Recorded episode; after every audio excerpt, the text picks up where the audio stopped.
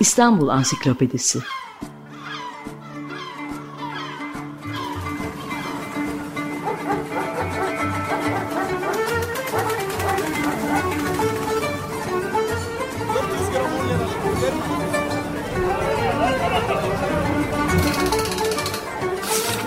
İnsanlar, olaylar, mekanlar, gelenekler ve ihtiyaçlar üzerinden şehrin tarihinden sayfalar.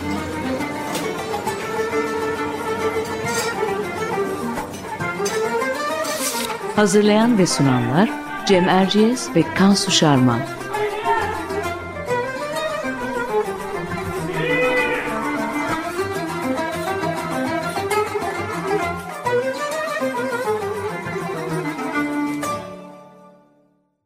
Merhaba, ben Cem Erciyes. Açık Radyo'da Kansu Şarman'la birlikte hazırladığımız İstanbul Ansiklopedisi'nde yeni bir programdayız. Bu hafta programımızı Açık Radyo dinleyici destek günleri içinde yapıyoruz. Bir tür radyo şenliği de olan bu özel günlerden ilhamla biz de İstanbul'un ilk şenliklerini konuşmaya karar verdik. Özellikle Apukurya Karnavalı üstünde duracağız. Konuğumuz bu konudaki çalışmalarını, Türkiye'deki çalışmalarını tamamlayıp Kanada'da doktor aşamasında da sürdüren Naz Vardar. Hoş geldiniz Naz Vardar. Merhabalar. Her zaman olduğu gibi kısa girişimizi yapıyoruz Kansu'yla ama ondan önce az önce değindiğim Açık Radyo dinleyici destek günleri içinde birkaç şey söylemek istiyoruz. Bu sene Açık Radyo, radyomuz 18. Radyo Şenliği'ni gerçekleştiriyor malum. Bizden önce sonraki programlarda da anılıyor bu. Açık Radyo Dinleyici Destek Projesi Açık Radyo'nun yaşam biçimi. Başkalarına da öncülük ettiği bir dayanışma projesi. Bu özgür ve herkese açık platformun ayakta kalabilmesi için e,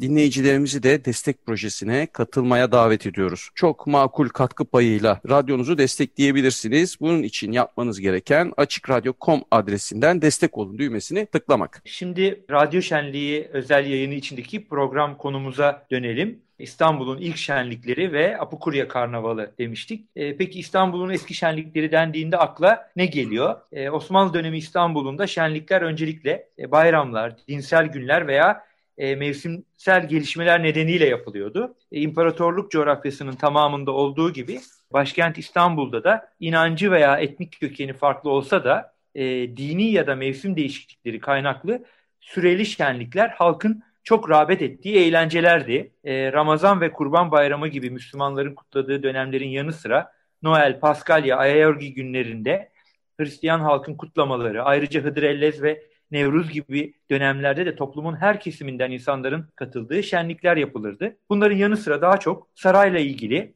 e, şehzadelerin sünneti, Osmanlı hanedanından birinin düğünü gibi bir olay içinde sarayla halkın ortaklaşa katıldığı büyük şenlikler düzenleniyordu. E, her dinden, bu şenliklerde her dinden şairler, müzisyenler, dansçılar, sanatçılar e, böyle dönemlerde bütün hayal güçlerini sergileme fırsatı buluyorlardı. Ayrıca İstanbul'un esnafı da ve şehirde yaşayan yabancılar gelenekleriyle, gösterileriyle, ürünleriyle günlerce süren bu şenliklere katılıyorlardı. E, Ama bunların arası... arasında en önemlisi Apukurya tabii. Onu da Cemerci. evet ben Alalım. ben de dayanamadım. Orada daldım. Evet bunlar arasında en önemlisi İstanbul Rumlarının Bizans döneminden bu yana düzenlediği Apukurya şenliği veya diğer adıyla Baklahorani yani Tatavla Karnavalı. Son dönemde Ortodoks nüfus azaldığı için e, şehrimizde artık biz bugünkü İstanbul sakinlerinin e, ancak fotoğraflardan, Ahmet Rasim'in, Sermet Muhtar'ın, Reşat Ekrem Koçu'nun yazdıklarından bildiğimiz şenlikler aslında bizden birkaç kuşak önceki İstanbullular için daha aşina olunan bir şey. Neydi? Birbirinden ilginç kıyafetler giyip hatta maskeler takıp bazı hayvanların kılığına giren insanların İstanbul'un çeşitli semtlerinde gösteriler yapları, kent kültüründe iz bırakmış bir etkinlikti Apukurya şenlikleri. Evet biz çok konuştuk Apukurya hakkında. Fazla bile konuştuğumuzu düşünüyorum. Çünkü gerçekten bu konuda e, uzmanlaşmış bir, değerli bir konuğumuz var. Naz Vardar. Hemen sözü size veriyorum Naz Hanım. Apukurya nedir? Hangi dönemde düzenlenir? Kimler katılırdı? Dilerseniz buradan başlayalım. Bizim kısa özetimizi tamamlayarak ilerleyebilirsiniz. Buyurun. Evet, tabii ki. Öncelikle teşekkür ediyorum davet ettiğiniz için. Yani benim de hala gelişmekte olan bir araştırmam bu. Bu şu an anlatacaklarım benim yüksek lisans tezimin bir parçası olarak eriştiğim bilgiler eminim ilerleyen yıllarda çok daha genişleyecek bunlar. Ee, öncelikle apokurya nedir? Ondan başlayayım sorduğunuz gibi. Şimdi apokurya'nın yani bu terimden başlayayım. Apokurya aslında Yunanca'daki apokriya kelimesinin Türkçeleştirilmiş hali. Yani Türkçe basında bu apokurya diye çıkıyor. Ee, apokriya kelimesi de Yunanca'da etten uzaklaşmak anlamına geliyor. Yani Latin kökenli olan karnaval sözcüğüyle aynı anlama geliyor. Yani Ortodoksların karnavalı e, Yunanca'da apokriya bunun adı.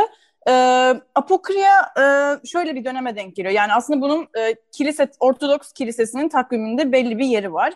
Paskalya bayramından 40 gün önceki dönemde e, bir oruç tutuluyor Ortodokslar tarafından. Ve bu 40 günlük dönemden önceki 3 haftalık döneme, döneme de apokriya deniyor. Yani bu oruca hazırlık dönemi. Bu orucun özelliği hayvansal ürün, ürünlerin tüketilmemesi. Bu 3 haftalık apokriya döneminde de e, kademeli olarak önce e, et ürünleri sonra da süt ürünleri bırakılıyor. Yani aslında apokriyanın beslenmeyle ve dini ritüellerle böyle bir ilişkisi var. Tabii bunun yanında apokriya bir eğlence e, de barındırıyor bünyesinde. Bu eğlenceler de özellikle bu üç haftalık dönemin son haftasında hatta da son hafta sonunda e, yoğunlaşmış eğlenceler. E, Ortodokslar bu son e, iki günde hatta e, böyle çelişkili bir şekilde orucun da ilk günü olan temiz pazartesi gününe sarkan e, eğlenceler düzenliyorlar. Bu eğlencelerin temelinde aslında kılık değiştirmek, maske takmak e, aşırı bir tüketim halinde olmak hem e, yemek anlamında hem de içki anlamında e, ve tamamen aşırı bir şekilde eğlenmek sokaklarda e, bu oruç döneminden yani insanların artık iyice e, nefs nefslerini korumaya başladıkları, nefslerine hakim olmaya çalıştıkları dönemden önceki son e, çılgın patlama diyelim. Öyle bir döneme denk geliyor aslında Apokriya. E, kimler katılıyor? Aslında herkesin katılması mümkün yani. Çünkü temelinde anonimlik var, maske var, kılık değiştirme var.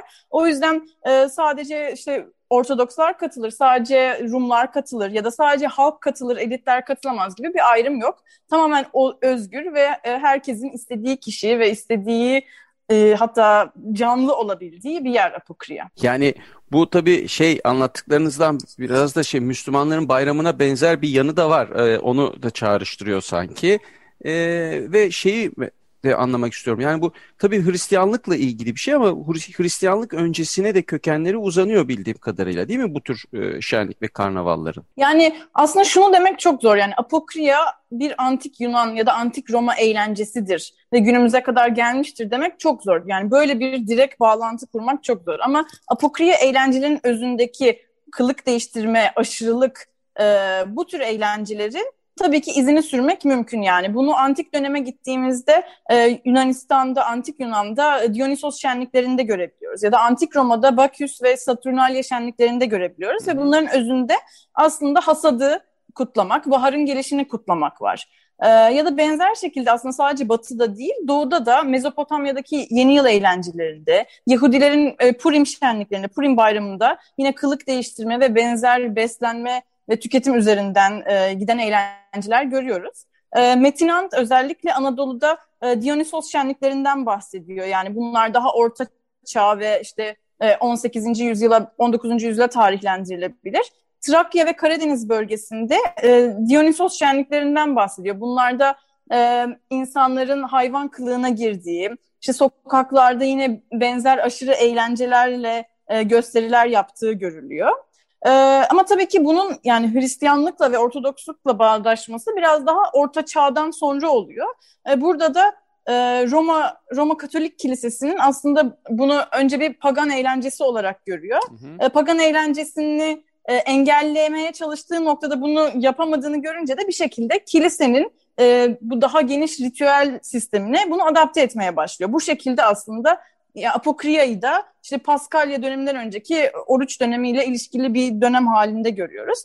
Ama tabii e, daha çok bu günümüz şeklini yani günümüzdeki gibi modern ve bir şehir eğlencesi şeklini 18 hatta 19. yüzyıldan sonra almaya başladığını söyleyebiliriz. Ama yani özetlemek gerekirse Dionysos şenliklerine dayanan bir e, gelenek. Evet. Fakat bugünkü hali aslında oldukça modern bir eğlence türü. Peki e, şöyle devam edelim e, biraz önce Apukurya karnavallarına toplumun her kesiminden insanın katılabileceğini söylemiştin. Şimdi orada maske takanlara, kıyafet değiştirenlere e, Apukurya maskarası dendiğini öğreniyoruz. Reşat Ekrem Koçu'nun, Ahmet Rasim'in yazılarından. Şimdi peki bu İstanbul'un pek çok yerinde kutlanmasına rağmen neden Tatavla üzerinde e, yoğunlaşmış? Artık neden ona Tatavla şenliği de deniyor hale gelmiş? Ee, şöyle aslında İstanbul'a baktığımızda farklı merkezler var Apukurya'nın kutlandığı. Mesela e, Heybeliada bunlardan bir tanesi. Ya, Anakara'ya geçtiğimizde de Beyoğlu, Pera, Galata bölgesi ve Tatavla e, bunlardan e, diğerleri. Şimdi Beyoğlu, Pera ve Galata'da biraz daha kapalı mekanlarda, balo salonlarında ve e, elçiliklerin binalarında daha üst sınıfların, e, bürokratların, elitlerin e, böyle eğlenceler yaptığını görüyoruz. Yani orada aslında biraz daha bir üst sınıf eğlencesi var. Maskeli balo ve işte yardımlaşma toplantıları tarzında. Ama bunun aslında daha halk ve sıradan insanlar tarafından kutlandığı yer Tatavla haline geliyor. Neden? Çünkü e, Tatavla hem Rum Ortodoks nüfusun yoğunlukla yaşadığı bir yer. Yani hatta Cumhuriyete kadar çoğunlukla Rumların yaşadığı bir mahalle ve belli bir özelliğe sahip. Hem işte kendi güvenlik güçleri var, hem eğlence anlamında e, kendine özgü bir eğlence e, hayatı olan bir yer. Bu, bu sebeple bir de tabii ki coğrafi anlamda da böyle biraz daha kırsal bir yerde kalıyor. Yani daha tepede. Özellikle pikniğe ve panayıra çok elverişli bir coğrafi konumu var. E, bu sebeple karnaval eğlenceleri e, Beyoğlu ve Pera'dan e, bir şekilde hep Tatavla'ya kayıyor. Tabii ki Tatavla'nın özelliği de aslında şu yani bugün Baklahorani diye bildiğimiz e, bu eğlenceler Tatavla ile özdeşleşmiş şekilde. Çünkü e, biraz önce bahsettiğim gibi temiz pazartesi günü yani orucun ilk günü yapılan panayır Tatavla'da yapılıyor ve buna da Baklahorani ismi veriliyor. Yani Ortodoks dünyasının hiçbir yerinde Baklahorani başka bir eğlenceye verilmiyor. Tamamen bir tatavla eğlencesi şeklinde.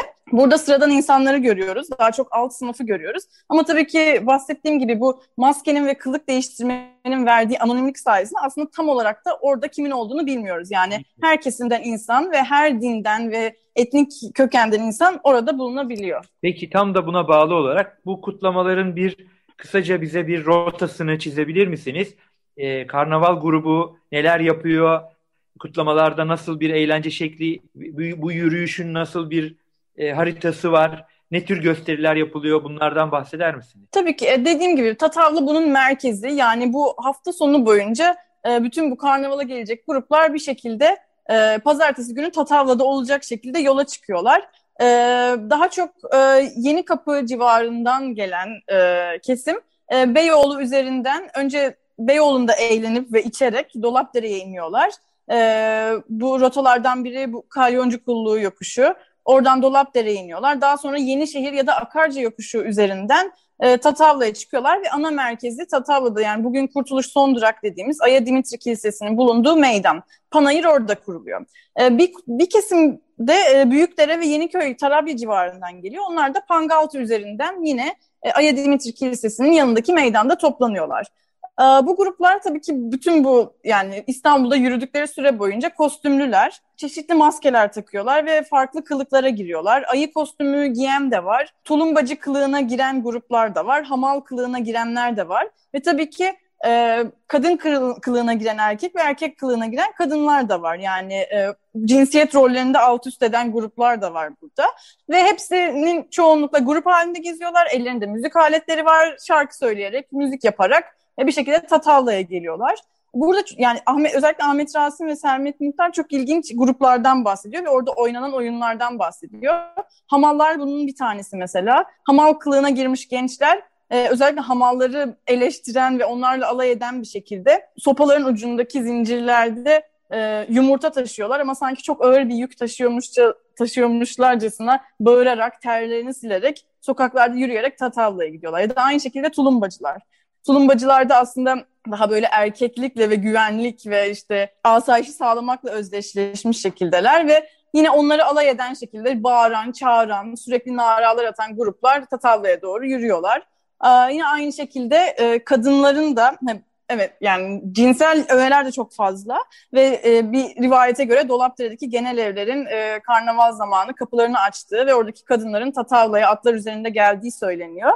Ee, mesela yine Cumhuriyet zamanından bir gazeteden bir e, bir görüntü var. Ee, bir kadın eşek üzerinde e, Tatavla Meydanı'na giderken görülüyor. Ama sonradan anlıyoruz ki aslında eşek elleri ve dizleri üzerinde duran kocası ve işte kalkıp kadına yalvarıyor ne olur beni bırak da ben hani çok sırtım ağrıdı yürüyerek gideyim diye. Bu şekilde aslında toplumdaki bütün rolleri, bütün normları alt üst eden e, bir eğlence tarzı mevcut Tatavla'da. Bayağı eğlenceli ve matrak bir e, şey e, geçit töreni olduğu anlaşılıyor. Peki bu ne zamana kadar İstanbul'da var? Yani son e, Apakurya e, şenlikleri, kutlamaları ne zaman ya, yapılmış? Ve e, yani bunu tabii e, Ortodoks dünyasındaki karşılıklı karşılığı nedir? Yurt dışında başka yerlerde e, benzer etkinlikler var mı? İkinci sorunuza başlayayım önce. Yunanistan'da belli merkezlerde uzun yıllardır karnaval kutlanıyor. Patras, Atina, İskeçe bunların bazıları. Özellikle Ama Patras her yerde karnavalı... değil, bazı yerlerde kutlanılıyor öyle mi? Aynen öyle. Bazı şehirler şehirler bu geleneği Onların devam geleneği ettiriyor. Yani olmuş her... yani. Evet, anladım. Aynen o şekilde. Patras mesela özellikle Venedik ten etkilendiği için orada daha başka türlü e, eğlenceler var ama İskeçe biraz daha geleneksel öğeler barındıran bir eğlence mesela. E, İstanbul özelinde de aslında 1940'lara kadar, 40'ların başına kadar bunun kutlandığını görüyoruz. Yani 42'de yasaklandı diye e, konuşuluyor. Yani resmi olarak yasaklandığına dair bir bilgi yok ama dönemin koşullarından dolayı hem güvenlik hem de ayrımcı politikalarından dolayı bunun biraz daha sönümlenmeye başladığını ve yavaş yavaş bu kutlamaların iç mekana çekildiğini yani sadece Rum Ortodoksların dini ritüellerinin bir parçası şeklinde kutlanmaya iç mekanlarda devam ettiğini görüyoruz. Ama tabii ki 1940'lardan 2009'lara kadar bu aslında sokaklarda yok. Ama 2010, 2009 ve 2014 arasında e, kurtuluşlu küçük bir grup bunu tekrar canlandırıyor. Sokaklarda kısa bir e, geçit töreninin devamında Kurtuluş Rum Okulu'nun da tekrar açılmasıyla yani özellikle bu etkinlik için orada böyle kapalı mekanda eğlenceler düzenleniyor. E, 2014'ten sonra tekrar yok oluyor. E, iç mekanlarda yani Rum derneklerinin mekanlarında devam ediyor. Ama 2020 yılında özellikle Şişli Belediyesi ve Aya Dimitri e, Kilisesi'nin desteğiyle Şişli Kent Konseyi ve Şişli Bellek bunu tekrar canlandırmak için yola koyuldu. E, üç günlük bir program e, oluşturulmuştu aslında. Fakat 27 Şubat'taki İdlib'deki şehitlerden dolayı iptal edilmek durumunda kaldı. Zaten onun devamında da dünyanın her yerinde yani Yunanistan'daki karnavallar da pandemiden dolayı teker teker iptal edildi. E, 2021'de de yine hiçbir yerde bir karnaval olmadı ama Şişli Bellek e, bunu hem anmak hem de e, küçük bir tanıtımını yapmak için kısa bir videoyla e, bir video kutlaması, uzaktan bir kutlama gerçekleştirdi. Peki Ee, teşekkürler. peki e, Naz Vardar çok teşekkür ediyoruz size. E, doktora çalışmasında Kanada'da başarılar diliyoruz. Açıkradyo.com'un e, destek olun düğmesinden e, radyo şenliğine, dinleyici destek programına katılabileceğinizi unutmayın. Dinleyicilerimize bunu aktaralım. E, son olarak programımızın sonunda Naz Vardar'ın anlattıklarına bir katkı olarak karnaval zamanlarından eski bir Tatavla şarkısı ile programımızı kapatıyoruz. Antonis Diamantidis'in bir şarkısı 1926 tarihli bir kayıtta. Karotseri Trava Napamesta Tatavla yani Çek arabacı Tatavla'ya gidelim adlı şarkıyla programımızı tamamlıyoruz. Çok teşekkür ediyoruz tekrar. Hoşçakalın. Çok teşekkürler. Ben teşekkür ederim. Çok sağ olun. İstanbul Ansiklopedisi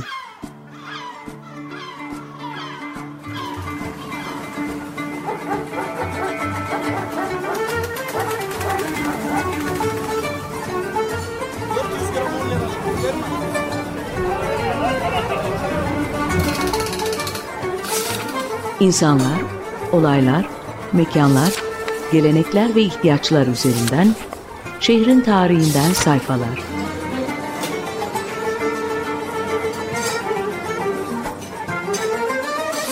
Hazırlayan ve sunanlar Cem Erciyes ve Kansu Şarman.